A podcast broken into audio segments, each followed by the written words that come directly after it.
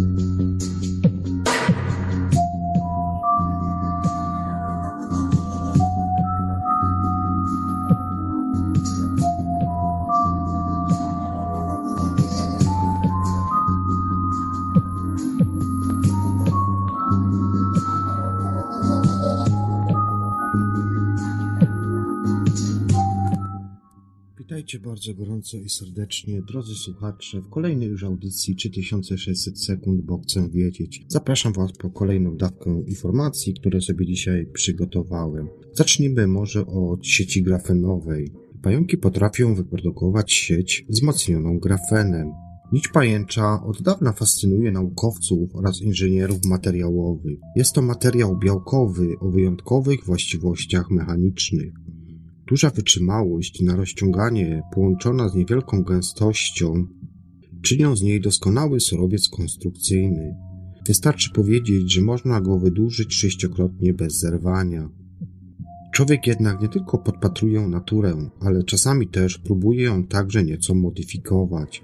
Badacze z europejskiego konsorcjum Graphen Flagship postanowili zmodyfikować nić pajęczą, wykorzystując inny materiał o niezwykłych właściwościach, a więc grafen. W tym celu przygotowano roztwory grafenu oraz nanorurek węglowych i następnie rozpylono je w pomieszczeniu, w którym znajdowały się pająki.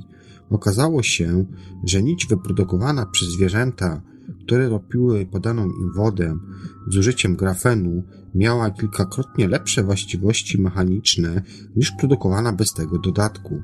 Nie wiadomo jeszcze, co powoduje, że grafen oraz nanonurki są wbudowane w nić. Autorzy badań podejrzewają, że może tu działać chęć pozbycia się z organizmu balastowego materiału, którego pająki nie mogą w żaden sposób przetworzyć. Wyniki podobnych badań prowadzonych na organizmach jedwabników były opublikowane w 2016 roku. Larwom tych zwierząt serwowano pożywienie z nanomateriałami, dzięki czemu produkowały nici jedwabiu o znacznie większej wytrzymałości od tej, jaką wykazuje jedwab klasyczny. Odkrycia te otwierają nowe możliwości tworzenia niestandardowych materiałów bionicznych.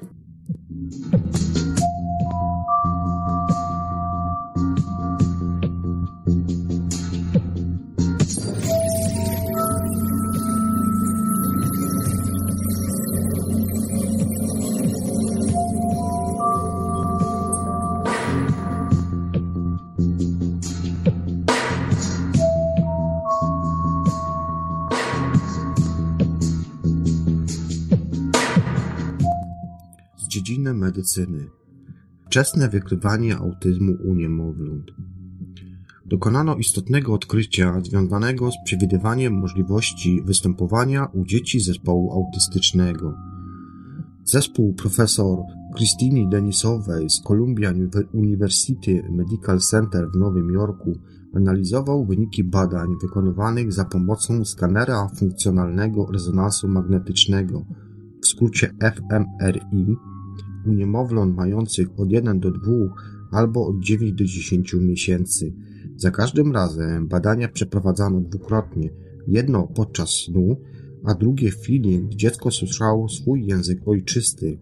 Stwierdzili, że dzieci będące w grupie podwyższonego ryzyka wystąpienia spektrum autystycznego, przykład mające rodzeństwa autystycznie, częściej wykonują spontaniczne ruchy głowy podczas snu, co może świadczyć o problemach ze spaniem. W przypadku dzieci jedno- i dwumiesięcznych z grupy ryzyka Podobne zjawisko występowało w czacie słuchania języka ojczystego. Grupę kontrolną stanowiły dzieci spoza grupy ryzyka. Badacze uważają, że ich odkrycie pozwoliłoby na względnie prostą wczesną diagnostykę możliwości występowania spektrum autystycznego, co przyspieszyłoby wdrożenie tej terapii.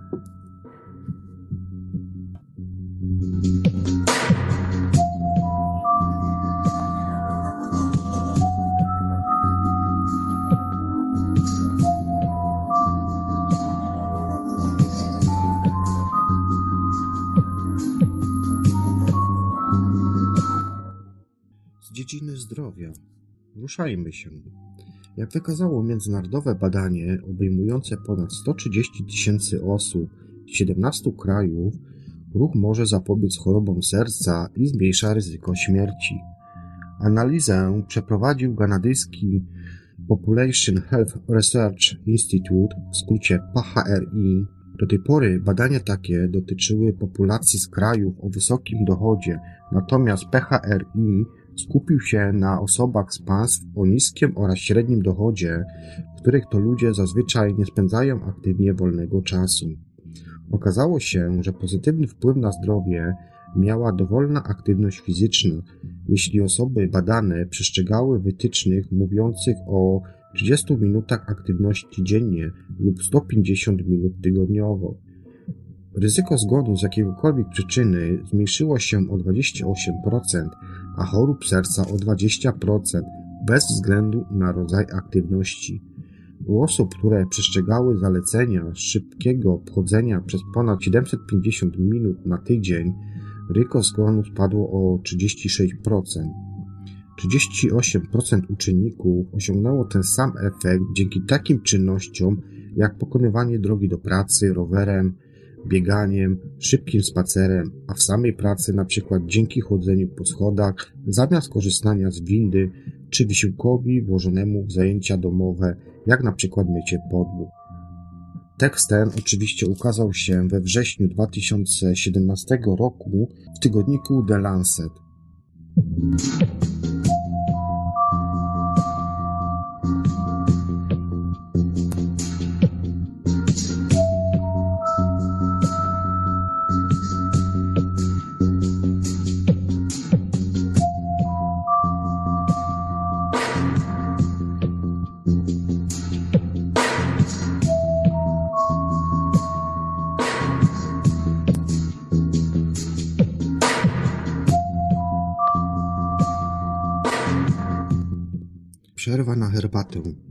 Brytyjscy pracownicy spędzają przeciętnie 100 godzin rocznie na przyrządzaniu i wypijaniu w godzinach swojej pracy ulubionego napoju.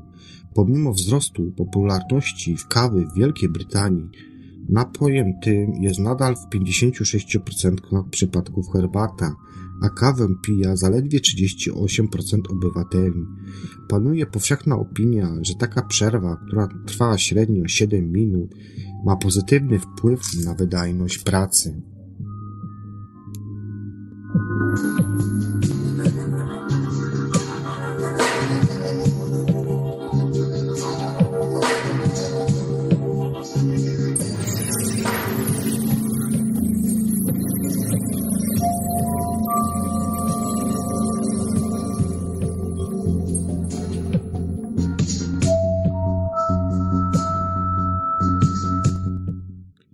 grawitacyjne zaobserwowane po raz czwarty. Zarejestrował je nowy interferometr Virgo, znajdujący się w pobliżu włoskiego miasta Pisa oraz amerykańskie obserwatorium LIGO, składające się z dwóch identycznych instalacji oddalonych o ponad 3000 km. Fale grawitacyjne powstały 1,8 miliarda lat temu w wyniku zderzenia się dwóch czarnych dziur. Utworzona w wyniku tego nowa czarna dziura ma masę 53 słon, a zderzenie spowodowało zamianę gigantycznej ilości masy, to jest trzech mas Słońca, na energię fali grawitacyjnej.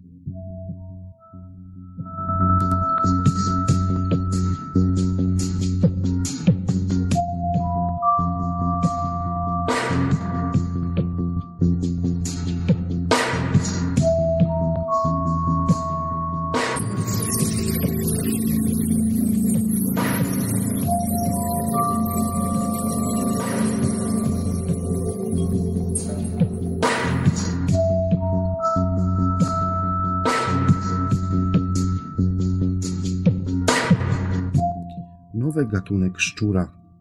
Na wyspach Salomona odkryto nowy gatunek szczura, Uromys vika, który żyje na drzewach. Ma on 45 cm długości oraz pół kilograma wagi i żywi się prawdopodobnie orzechami kokosowymi. Szczura tego nie widział na żywo żaden biolog, ale odkrycia dokonano dzięki znalezieniu zwłok osobnika, który to zginął w czasie wyrębu lasu.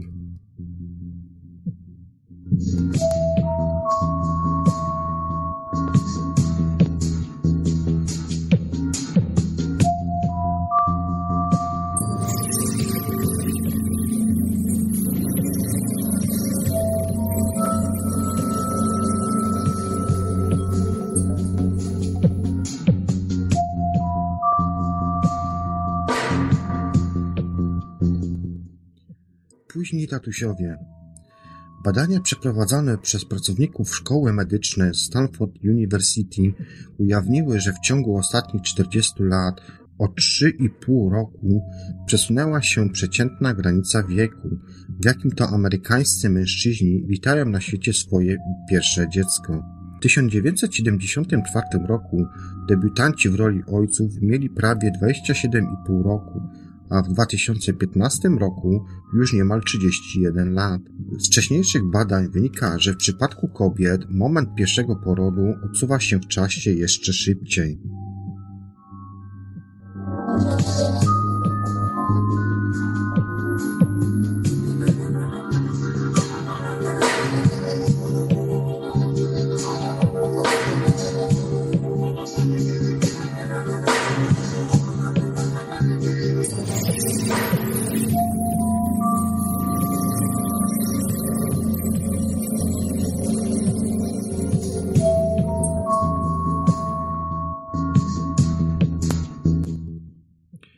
Kolejna informacja z dziedziny zdrowia.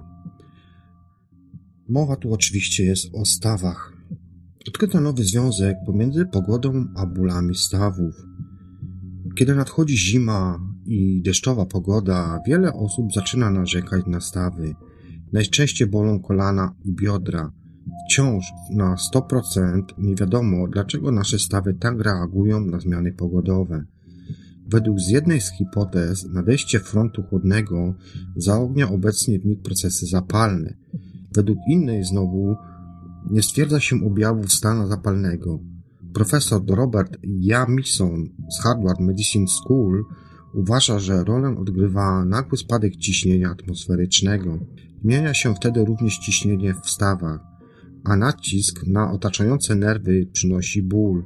Z kolei australijski ekspert od bólu dr Michael Wag, dekan University Medical Schools, twierdzi, że kiedy jest zimno, współczulny układ nerwowy mobilizuje organizm do obrony, wywołując m.in. kurczenie się naczyń krwionocznych w kończynach, aby zminimalizować straty ciepła, a to z kolei może u szeregu osób powodować ból w odrębie stawów. Wag uważa takie wyjaśnienie bólu za najbardziej prawdopodobne niż na przykład wpływ zmiany ciśnienia atmosferycznego. Ostatnio tym problemem zainteresował się zespół specjalistów zajmujących się medycyną sportową na University of Washington w Seattle. Ci badacze podeszli do zagadnienia w nietypowy sposób, wykorzystują bowiem platformę Google Trends. Służy ona do śledzenia dynamiki zapytań w przeglądarce. Stworzono ciągi słów i zwrotów dotyczących bólów stawowych oraz kontrolnie bólu żołądka, po czym prześledzono związane z nimi przeszukiwania czynione przez mieszkańców 45 najbardziej zaludnionych amerykańskich miast w ciągu 5 lat. Dynamikę zapytań porównano z danymi pogodowymi. Wyniki dla wszystkich miast były podobne. Kiedy temperatura na zewnątrz spadała poniżej 5 stopni Celsjusza, liczba utyskiwań była znikoma.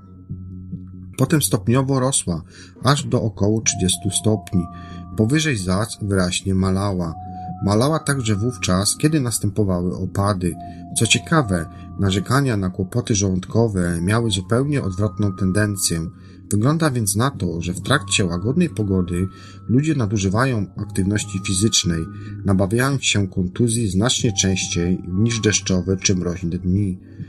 a potem szukają pomocy w internecie. Tak przynajmniej uważa kryjącymi tymi badaniami profesor Scott Telfer.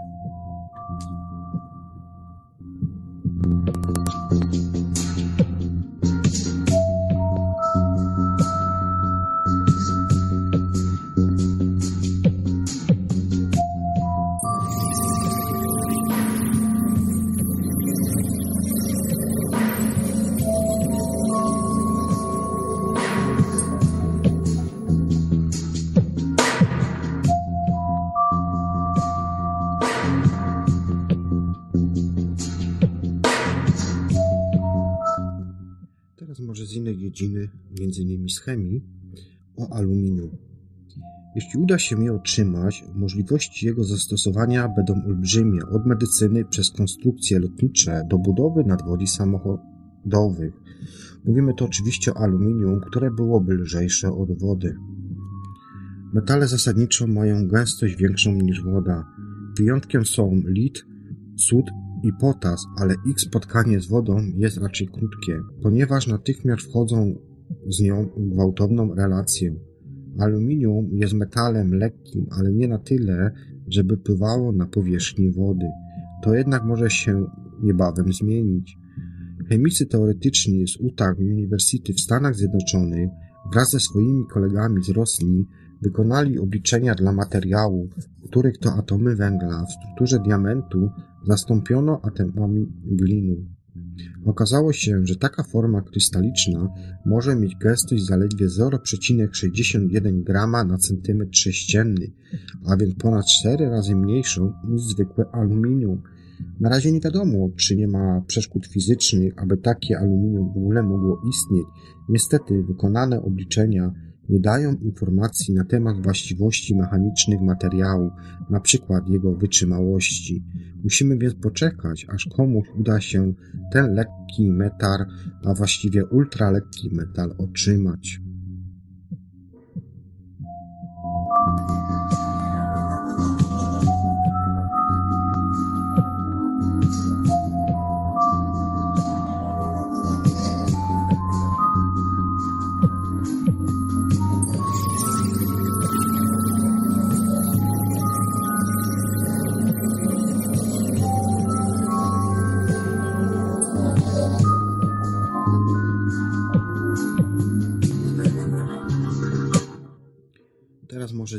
Zoologii, niezwykła podróż. Po wielkim tsunami w Japonii setki gatunków zwierząt wyruszyły w drogę przez Pacyfik. To największy znany transoceaniczny epizod migracyjny. Tsunami runęło na japońską wyspę Honshu 11 marca 2011 roku. Zginęły wtedy dziesiątki tysięcy ludzi, Blisko 200 tysięcy domów zostało zmiecionych z powierzchni Ziemi, a łączne straty oszacowano na ponad 200 miliardów dolarów. Dzień ten przyniósł też ważną zmianę w życiu rozlicznych żyjątek morskich, głównie bezkręgowców i pierwotniaków, które to mieszkały w pobliżu wyspy. Wiele z nich wyruszyło w długą podróż na fragmentach zniszczonych budowli, łodzi, pojazdów i innych przedmiotów, które to zostały zabrane z lądu przez cofający się Pacyfik, a następnie porwane przez zmierzające na wschód prądy oceaniczne.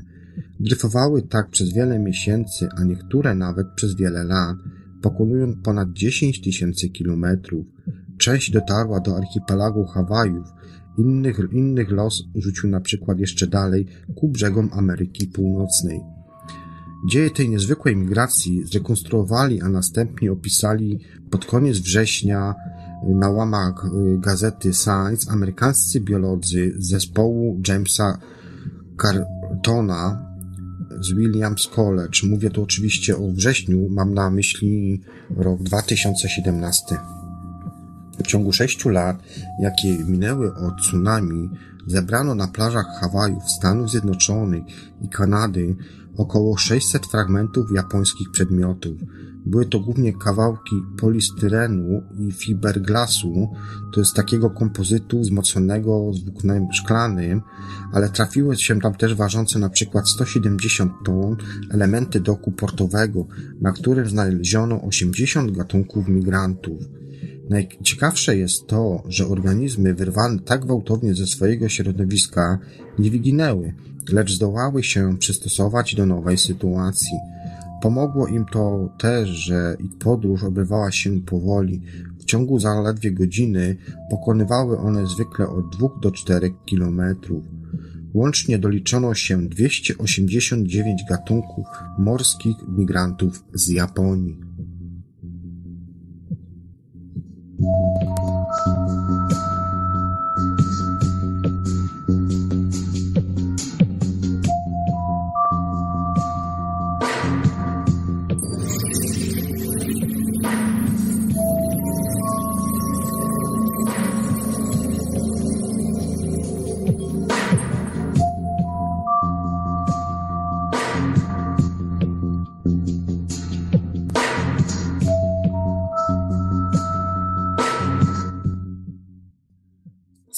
Stymulacja nerwu błędnego jest nowa nadzieja dla osób znajdujących się w stanie wegatywnym, np. po wypadkach lub urazach.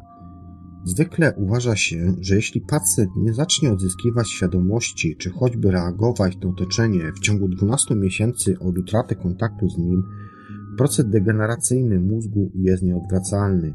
Tymczasem jednak okazuje się, że może być inaczej. Francuscy lekarze z Lyonu poinformowali o wynikach leczenia 35-letniego pacjenta, który to po wypadku samochodowym znajdował się od 15 lat w stanie wegatywnym. Postanowili oni wdrożyć terapię polegającą na ciągłej stymulacji nerwa błędnego, w skrócie VNS.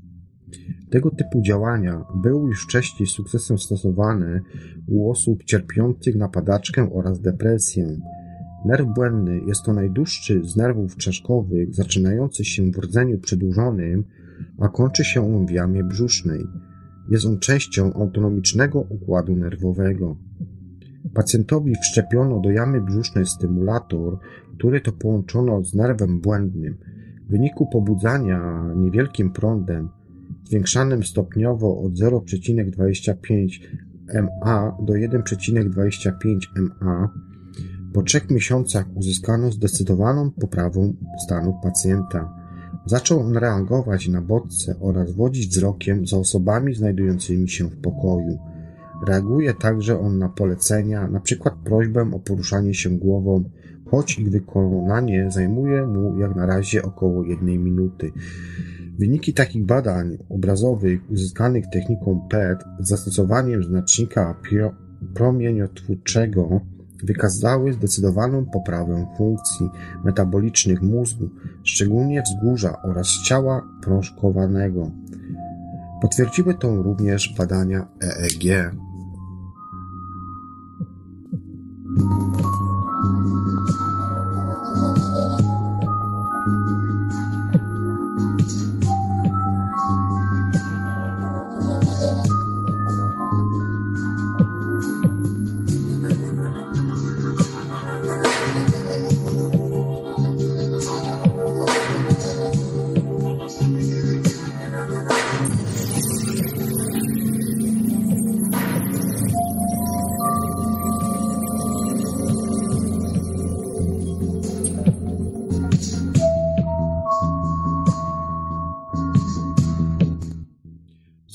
Dziedziny wynalazki woda a prąd. Profesor Osgur Sahin z Columbia University w Nowym Jorku twierdzi, że woda parująca z jezior i zbiorników retencyjnych mogłaby dostarczać mnóstwo energii elektrycznej. Stany Zjednoczone pozyskałyby w ten sposób nawet 2,85 miliarda megawattogodzin rocznie, a to dwie trzecie prądu wytworzonego tam w 2015 roku. Szczegóły propozycji naukowych przedstawił we wrześniowym wydaniu 2017 y, roku Nature Communication, gdzie opisał on tam kilka miniaturowych prototypów urządzeń generujących prąd z takich właśnie źródeł. We wszystkich najważniejszym elementem jest materiał, który kurczy się, wysychając i rozszerza, wchłaniając wilgoć. Może to być na przykład taśma pokryta przetrwalnikami bakterii, które to odkurczają się, powodując skręcanie taśmy i nabrzmiewają w zależności od warunków. Jedna z wersji takiego mini-generatora została umieszczona tuż nad lustrem wody. Gdy ta zaczęła się jakby mocniej parować, wilgotność powietrza ponad nią wzrosła, a wtedy to materiał rozszerzał się, poruszając generatorem. Na razie jednak koncepcję Sahina można spokojnie umieścić w szufladzie z napisem kompletne banialuki. On sam przyznaje, że nie wie, czy kiedykolwiek uda mu się opracować jakąś praktyczną metodę wykorzystania energii parowania. W tej chwili to bardziej eksperyment myśleniowy niż praktyczna propozycja. Jednak zważywszy na to, że już w XIX wieku odkryliśmy, że światło słoneczne można zmienić w prąd, a od tego okresu upłynęło 100 lat, nim nauczyliśmy się to właśnie zrobić w efektywny sposób. W tej chwili to bardziej eksperyment myślowy niż praktyczna propozycja. Zauważmy jednak, że już w XIX wieku odkryliśmy, że światło słoneczne można zmienić w prąd.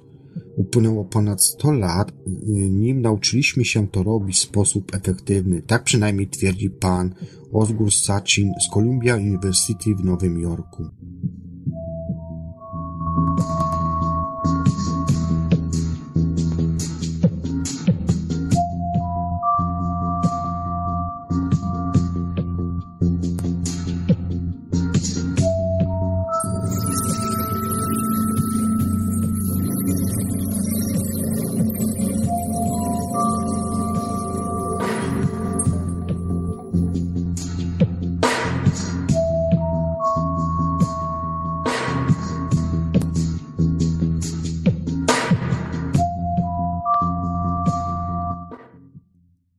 Medycyna. Najpierw tracimy węch. Naukowcy z University of Chicago przebadali prawie 3000 osób w wieku około 60 do 80 lat. Musiały one pomachać specjalny flamaster, w który zamiast tuszu umieszczono roztwory podstawowych zapachów, to jest takich jak skóry, mięty, róży, pomarańczy oraz ryb. Stan ich zdrowia sprawdzano po pięciu latach. Niemal wszyscy uczestnicy eksperymentu, którzy nie byli w stanie poprawnie nazwać kiedyś żadnego zapachu, mieli demencję.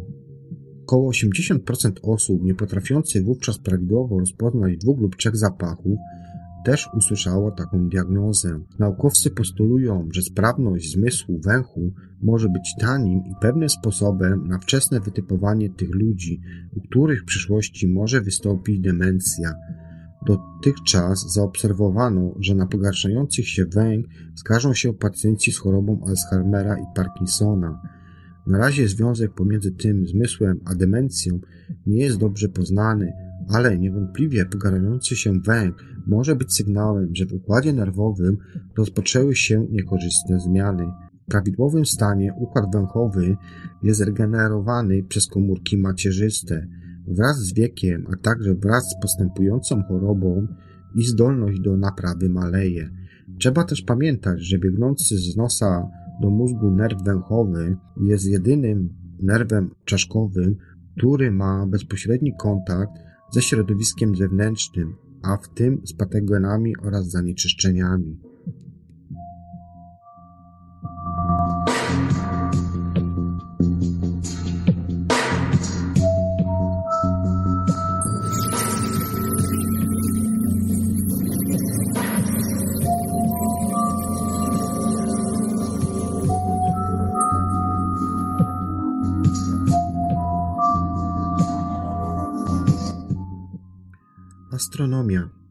Tajemnicze plamy na Ceres. Znajdują się w kraterach uderzeniowych. Czy powstały wskutek wypływu ukrytej materii? Gdy sonda Dawn w 2015 roku docierała do Ceres, podziwiający pierwsze zdjęcia planety zafascynowali byli nietypowymi obiektami. Były tam bardzo jasne, pozorne wręcz białe plamy, widoczne w kilku miejscach szarowego globu. Po dokładniejszych badaniach okazało się, że plamy tych jest więcej, nawet jest ich wręcz kilkaset i wcale nie są one białe. Na Ziemi uznano by je wręcz za ciemne, ale ponieważ powierzchnia Ceres jest dosyć ciemna, jasno się od niej odcinają. Czym zatem jednak one są? Niemal wszystkie, bo aż 90% z nich znajduje się w kraterach uderzeniowych powstałych podczas bombardowania Ceres przez drobne odłamki z pasa planetoid lub w obszarze pokrytym wyrzuconą z tych kraterów materią. Badacze przypuszczają, że uderzenia meteorytów mogły stopić powierzchniowe obszary Ceres i spowodować wypyk ukrytej głębi materii. Czasem te jasne obszary powinny ciemnieć pod wpływem promieniowania kosmicznego i pokrywać się okolicznym pyłem. Ich duża liczba świadczy więc o tym, że powierzchnia Ceres jest geologicznie młoda i wiele istniejących na niej struktur powstało niedawno. Większość jasnych obszarów zawiera węglany, wapnia i magnezu zmieszane z glinami obfitującymi w amoniak, ale w części najmłodszych plam wykryto węglan sodu ze znacznie mniejszą zawartością gliny. Planetolodzy uważają, że proces, który doprowadził do powstania młodszych plam, był taki sam jak w przypadku plam starszych. Różnica pomiędzy nimi wynika z zawartości poszczególnych składników w pierwotnym otoczeniu miejsca upadku. Badaczy interesują wszystkie procesy prowadzące do powstawania węglanów, ponieważ węgiel jest jednym z głównych budulców życia. Analiza, jakim przemianom może ona podlegać w warunkach panujących na dalekich globach, pozwoli lepiej zrozumieć mechanizmy, które mogą z czasem doprowadzić choć raczej nie na suchej i mroźnej Ceres, do zaistnienia jakichś pierwotnych form życia.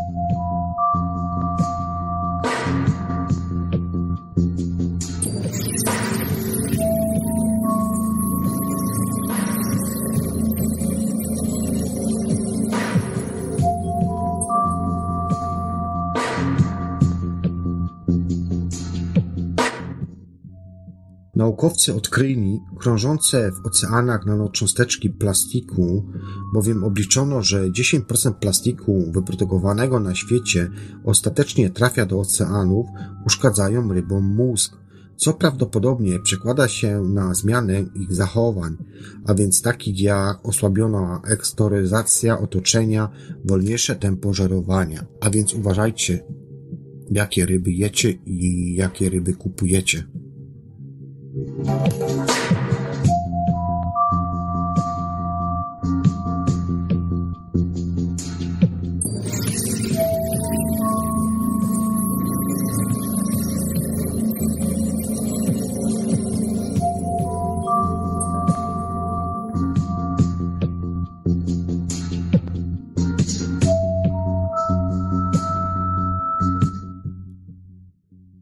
Naukowcy odkryli, że lasy tropikalne przestały być płucami planety i nie magazynują już tak wydajnie dwutlenku węgla w postaci biomasy. Teraz stały się one emitentami tego gazu cieplarnianego. Więcej go wydzielają niż pochłaniają. Wszystko przez spadek liczby drzew i ich mniejszą różnorodność. Na, raport na temat tego właśnie odkrycia ukazał się w gazecie Science.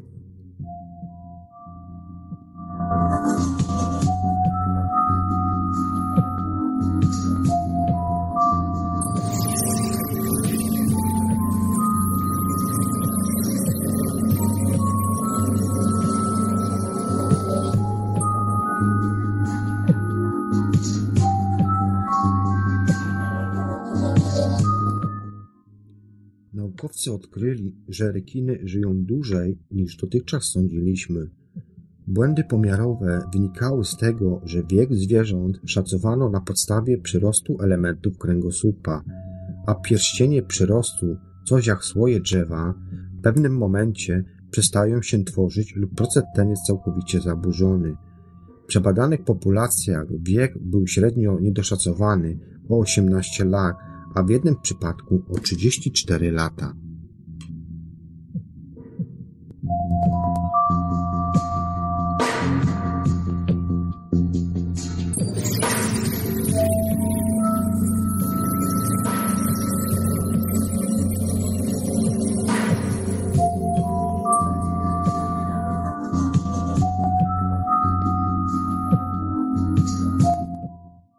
Naukowcy odkryli, że przyjmowanie narkotyku o nazwie metamfetamina pięciokrotnie zwiększa ryzyko udaru polegające na wylewie krwi do mózgu.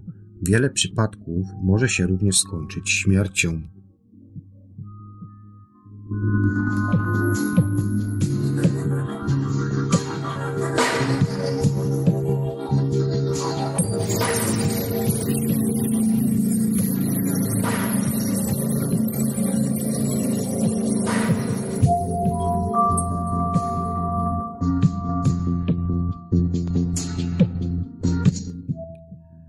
Naukowcy odkryli, że dobór ewolucyjny czasami zaskakuje.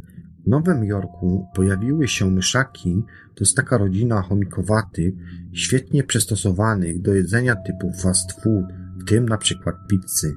Zmiany dotyczyły genów odpowiedzialnych za trawienie.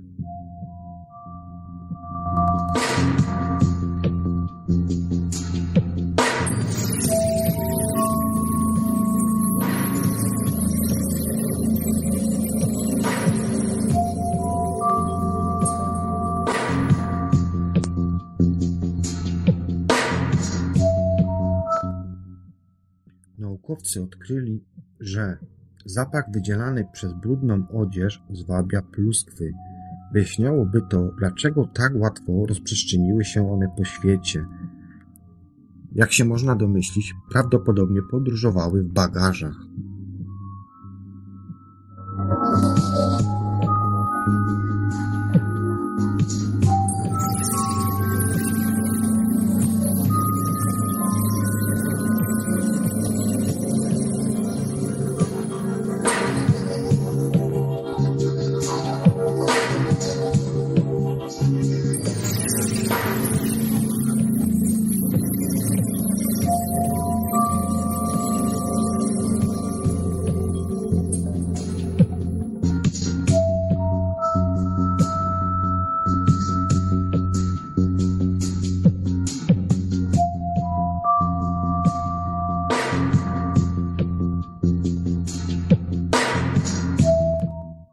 Naukowcy odkryli, że meduzy badano rodzaj Cassiopeia także śpią, chociaż nie mają mózgu.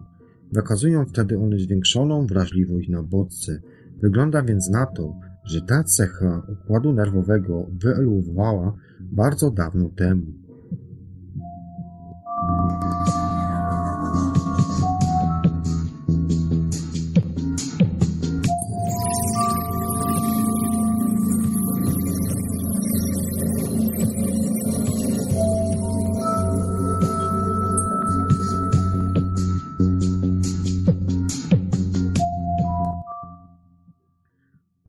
Odkryli, że można odebrać rozmowę telefoniczną we własnej głowie, bowiem powstał implant ślimakowy kierujący informacje z iPhone'a prosto do nerwu słuchowego.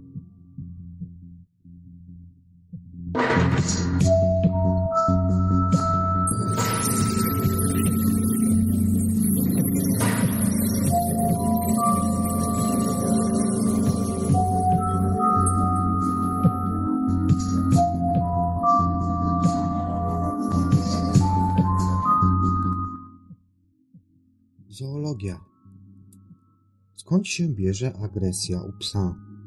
Okazało się, że ma tutaj znaczenie poziom hormonu zwanego wazopresyną. Dotychczas uważano, że za agresję u psów, podobnie jak i wszystkich innych ssaków, odpowiadają testosteron i serotonina. Jednak wyniki badań opublikowanych niedawno przez naukowców z University of Arizona sugerują, że do tej dwójki należy dodać jeszcze oksytocynę i wazopresynę. Oksytocyna, nazywana czasami hormonem miłości, produkowana jest w dużych ilościach podczas opieki nad potomstwem, a także w momentach interakcji z osobnikami, które darzymy uczuciem. Z kolei wazopresyna odpowiada przede wszystkim za gospodarkę wodną organizmu, ale badania na ludziach często przeżywają napady agresji. Wykazały, że uwalnia się u nich wtedy większa ilość. Do eksperymentu zakwalifikowano psy najróżniejszych ras i wielkości. W toku doświadczenia chowano za kurtyną przedmioty codziennego użytku, a w niektórych przypadkach manekiny psa z właścicielem. Po wprowadzeniu zwierzęcia do pomieszczenia z kurtyną z głośników puszczano szczekanie innego psa, po czym odsuwano zasłonę. Psy zazwyczaj nie reagowały agresywnie na przedmioty codziennego użytku, jednak część z nich odpowiadała agresją na widok manekinów. Badacze sprawdzali za każdym razem poziom hormonów we krwi zwierząt przed wizytą w pokoju, jak i po niej. Okazało się, że przy wyższym stosunkiem oksytocyny do wazopresyny były najspokojniejsze, natomiast psy z wysokim poziomem wazopresyny były bardziej agresywne. Odkrycie może przyczynić się do znalezienia sposobu na zmniejszenie agresji u niektórych naszych pupimi, a także zapobiec oddaniu ich do schronic, bo agresywne zachowania są jednym z najczęstszych powodów pozbywania się psów.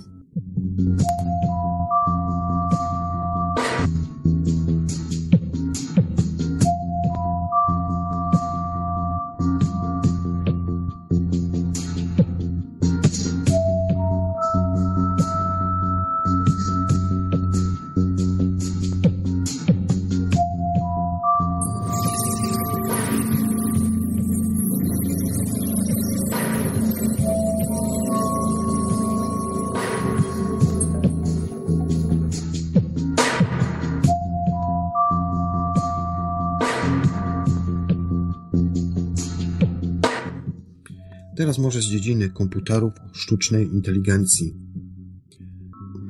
Kiedy naukowcy z University of Adelaide dostarczyli sztucznej inteligencji obrazy z tomografii komputerowej klatki piersiowej grupy pacjentów, program przewidział zgony w ciągu kolejnych pięciu lat z 69% dokładnością.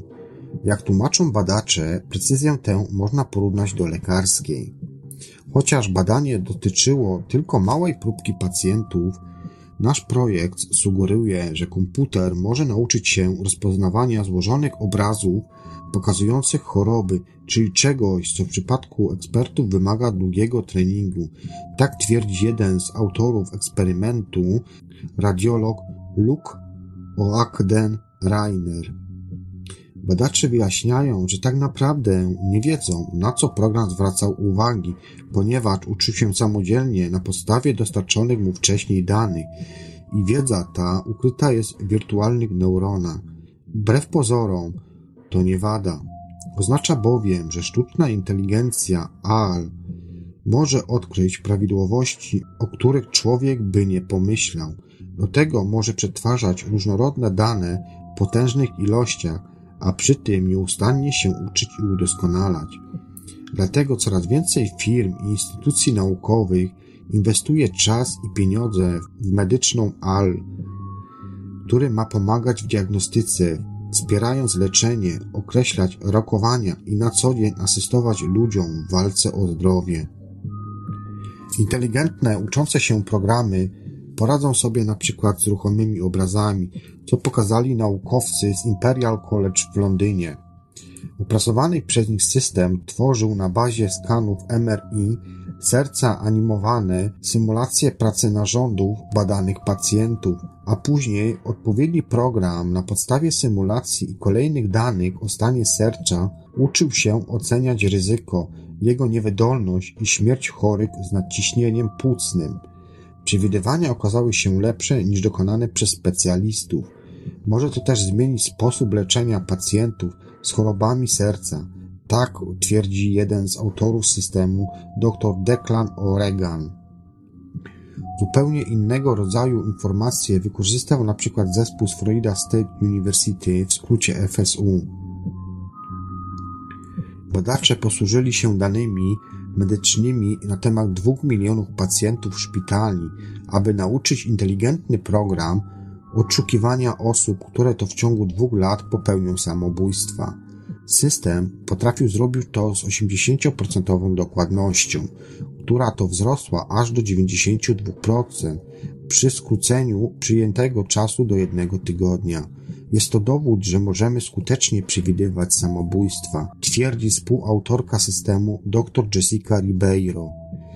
Tymczasem, jak pokazał projekt profesora Josepha Franklina z FSU, 50 lat badań nad określeniem ryzyka samobójstwa udanej osoby nie przyniosło praktycznie żadnych rezultatów, a obecne szacunki przypominają losowe zgadywanie. Przyczyna leży m.in. w tym, że standardowe metody wykorzystują niewielką liczbę parametrów, takich jak np. depresja, narażenie na stres czy uzależnienie od psychoaktywnych substancji. Komputer nie ma ograniczeń co do liczby uwzględnionych czynników. Nie, nie dziwi też więc to, że sztuczną inteligencję próbują w medycynie wykorzystać największe firmy informatyczne. IBM cały czas pracuje nad platformą Watson, która w 2011 roku zasłynęła wygraną w teleturnieju Jeopardy. W Polsce to był Wabank, taki teleturniej. System, który rozumie ludzki język, potrafi się uczyć, przetwarzając olbrzymią ilość danych i ma pomagać klinicystom w podejmowaniu decyzji co do terapii. Watson uwzględnia na przykład symptomy czy też geny danego pacjenta i porównuje je z innymi informacjami zebranymi z oficjalnych zaleceń, badań klinicznych lub pism naukowych. Google natomiast kupiło firmę DeepMind, która w klinikach testuje już system Streams. Analizuje ona różne dane z medycznych urządzeń oraz systemów informatycznych szpitala i na ich podstawie ostrzega lekarza, gdy dojdzie do zagrożenia nagłym pogorszeniem się zdrowia pacjenta.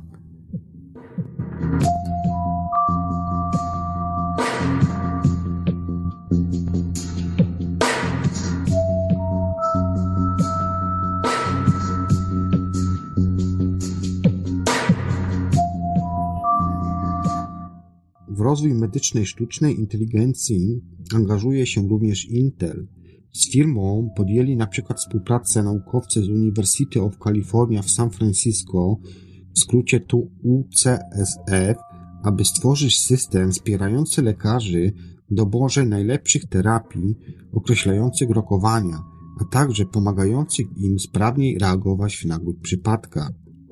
Teraz, kiedy medycyna już wykorzystuje techniki cyfrowe, możemy zacząć używać tych samych technologii, dzięki którym powstały autonomiczne samochody czy też wirtualni asystenci i stosować je do pokonania dręczących lekarzy wyzwań, jak szacowanie ryzyka, zapobieganie ponownym wizytom w szpitalu, analiza złożonych medycznych obrazów i tym podobnie. Tak przynajmniej tu twierdzi pan doktor profesor Michael Bloom z UCSF. Teoretycznie sztuczna inteligencja może wkroczyć i zadomowić się wszędzie, gdzie potrzebna jest analiza dużej ilości danych, interpretacja obrazów, podejmowanie decyzji.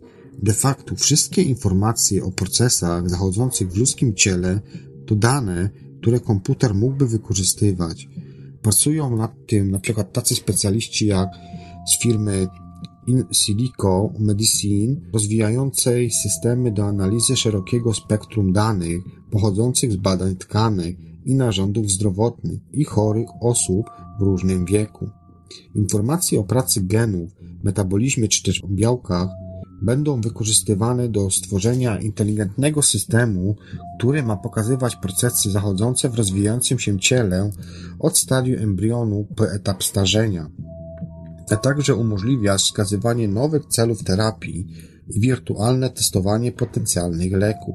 Inteligentny software można oczywiście łączyć z różnego typu medycznymi przyrządami. Firma CRISCAN opracowała na przykład urządzenie, które może w dużym stopniu wyręczyć patologa. Mimo postępu medycyny, jego praca nadal polega w dużej mierze na oglądaniu pod mikroskopem preparatów badanych tkanek. Tymczasem wynalazek autonomicznie przy, przygotowywuje pochodzące z biopsji próbki i wykonuje ich zdjęcia, z których to tworzymy trójwymiarowe modele analizowane potem przez inteligentne algorytmy. Z kolei firma Web Surgical, założona przez należącą do Google Alphabet Incorporation oraz Johnson Johnson, pracuje nad robotem chirurgicznym nowej generacji. Jak wyjaśniają jej przedstawiciele, ma on oferować o wiele więcej niż popularny obecnie Da Vinci. Oprócz tego, że będzie dysponował znacznie szerszym wachlarzem zabiegów, a więc takich zabiegów jak tradycyjne i laparoskopowe, to dzięki sztucznej inteligencji ma wspomagać chirurga w podejmowaniu decyzji. Program będzie analizował widziany przez lekarza obraz i udzielał odpowiednich wskazówek dotyczących na przykład tego, w którym miejscu kończy się tkanka wycinanego guza. Zamierzamy zrewolucjonować salę operacyjną. Dzięki komputerom które coraz więcej osób nosi w kieszeni, kontakt z medyczną AL może stać się codziennością. Między innymi chodzi o różne przydatne w specyficznych sytuacjach programy, takie jak aplikacja stworzona na University of Washington. Pupil Screen, bo tak się ona nazywa, pozwala na szybkie i łatwe zdiagnozowanie wstrząśnięcia mózgu. Podobnie jak specjalistyczne urządzenie zwane pupilometrem, Aplikacja ocenia reakcję źrenicy na światło. Wystarczy smartfon z kamerą i lampą, więc pomiar może, można wykonać na przykład na boisku, czy też w trakcie wycieczki, albo w terenie lub nawet w domu. Do tej pory w takich sytuacjach konieczne były stosunkowo mało pewne metody, jak na przykład pytanie poszkodowanego, czy wie gdzie się znajduje, lub na przykład sprawdzanie jego zmysłu równowagi. Wierzymy jednak, że urządzenie ostatecznie pozwoli każdemu od trenera małej ligi po lekarzy NFL czy ratowników medycznych sprawnie wykryć uraz głowy. Tak przekonuje dr Lynn McGrath z University of Washington. Inny przykład to opracowany na przykład na Stanford University program analizujący znamiona na skórze i również precyzyjnie jak dermatolog określający ryzyko pojawienia się zmiany nowotworowej. Choć nie działa jeszcze na smartfonach, to jego twórcy uważają, że mogą go do tego przystosować. Z inteligentnych smartfonowych aplikacji mogą też skorzystać fachowcy. Face2Gen firmy FDNA pomaga na przykład zdiagnozować rzadkie, trudne do ustalenia choroby generyczne u dzieci. Program analizuje różne elementy twarzy, jak kształt brody czy też rozstaw oczu, aby uzyskać informacje o potencjalnym schorzeniu, lekarz musi jedynie wykonać zdjęcie twarzy dziecka. Sztuczna inteligencja może przy tym znaleźć się nawet tam, gdzie mało kto by się spodziewał. Latem 2017 roku internet obiegły doniesienia o programie testowanym przez serwis Instagram, który nauczył się wykrywania osób z depresją na podstawie zamieszczonych w nim zdjęć. Okazało się, że depresji częściej towarzyszyły fotografie ciemniejsze oraz w odcieniach niebieskich i szarości. Aplikacje mogą jednak wyjść daleko poza wąsko określane zadania, takie jak detekcja wstrząśnięcia mózgu. Dobrze pokazuje to Senseli, to jest taka wirtualna pielęgniarka, z którą to można porozmawiać przez smartfon czy też tablet. Program rozumie naturalną mowę, a nawet jak twierdzą jego twórcy gesty. W odpowiednim momencie cyfrowy awatar zapyta pacjenta o samopoczucie, czy przypomni o koniecznym badaniu, bo aplikacja współpracuje też z przenośnymi urządzeniami diagnostycznymi, takimi na przykład jak ciśnieniomierz. Ważne dane z system przekazuje potem do prowadzącego daną osobę lekarza. Program o nazwie TEST został tak zaprojektowany i wytrenowany, aby zrozumieć nie tylko podane mu komunikaty tekstowe, ale także analizować zawarte w nim emocje. Aplikacja oferuje różnego rodzaju pomoc psychologiczną, np. coaching, wsparcie w terapii medycznej, czy nawet terapię poznawczo-behawioralną. W różnych sytuacjach program powiadamia specjalistę, Tez ratuje życie, odważnie, mówi prezes. Sztuczna inteligencja może też mieć ważnego sprzymierzeńca. Intensywnie rozwijane w ostatnim czasie wearables, czyli małe przenośne urządzenia o różnych zastosowaniach, także medycznych. Należy do nich na przykład taki gadżet, który mierzy już nie tylko tętno, temperaturę ciała czy oddech, ale również takie parametry jak ilość tlenu we krwi, pracę serca, czyli EKG, czy bioelektryczną aktywność mózgu EEG. Kolejne urządzenia tego typu mogą dostarczać inteligentnym programom coraz większą ilość danych, a AL może być wręcz niezbędny do ich wykorzystania. Projektanci próbują przy tym nadać jej jak najbardziej przyjazną formę, na przykład małego rodzinnego robota, takiego jak na przykład Pillow. Można postawić go na przykład na szafce czy też na biurko, a on rozpozna każdego z dopomników i pomoże mu zadbać o zdrowie. Tak mówią lekarze.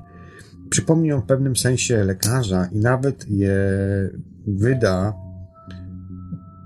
a gdy zacznie na przykład brakować, zapyta się, czy zrealizować kolejne zamówienie.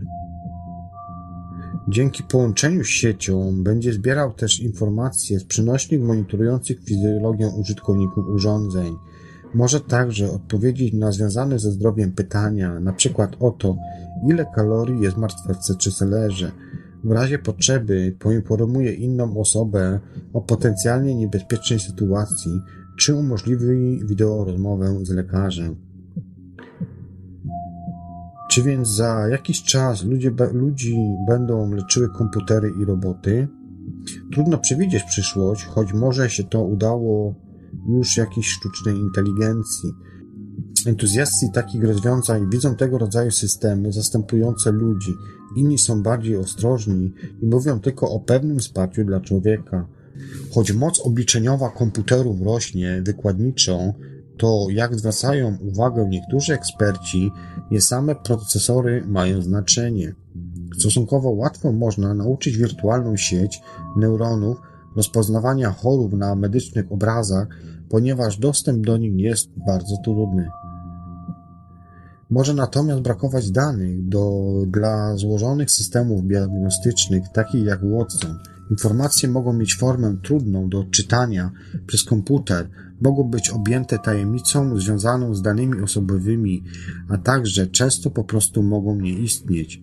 Naukowcy muszą je dopiero odkryć, ale jak pokazują działające już systemy, AL może pomóc w zdobywaniu tych informacji. Może nie powinniśmy więc pytać, czy, ale kiedy będzie nas leczył komputer.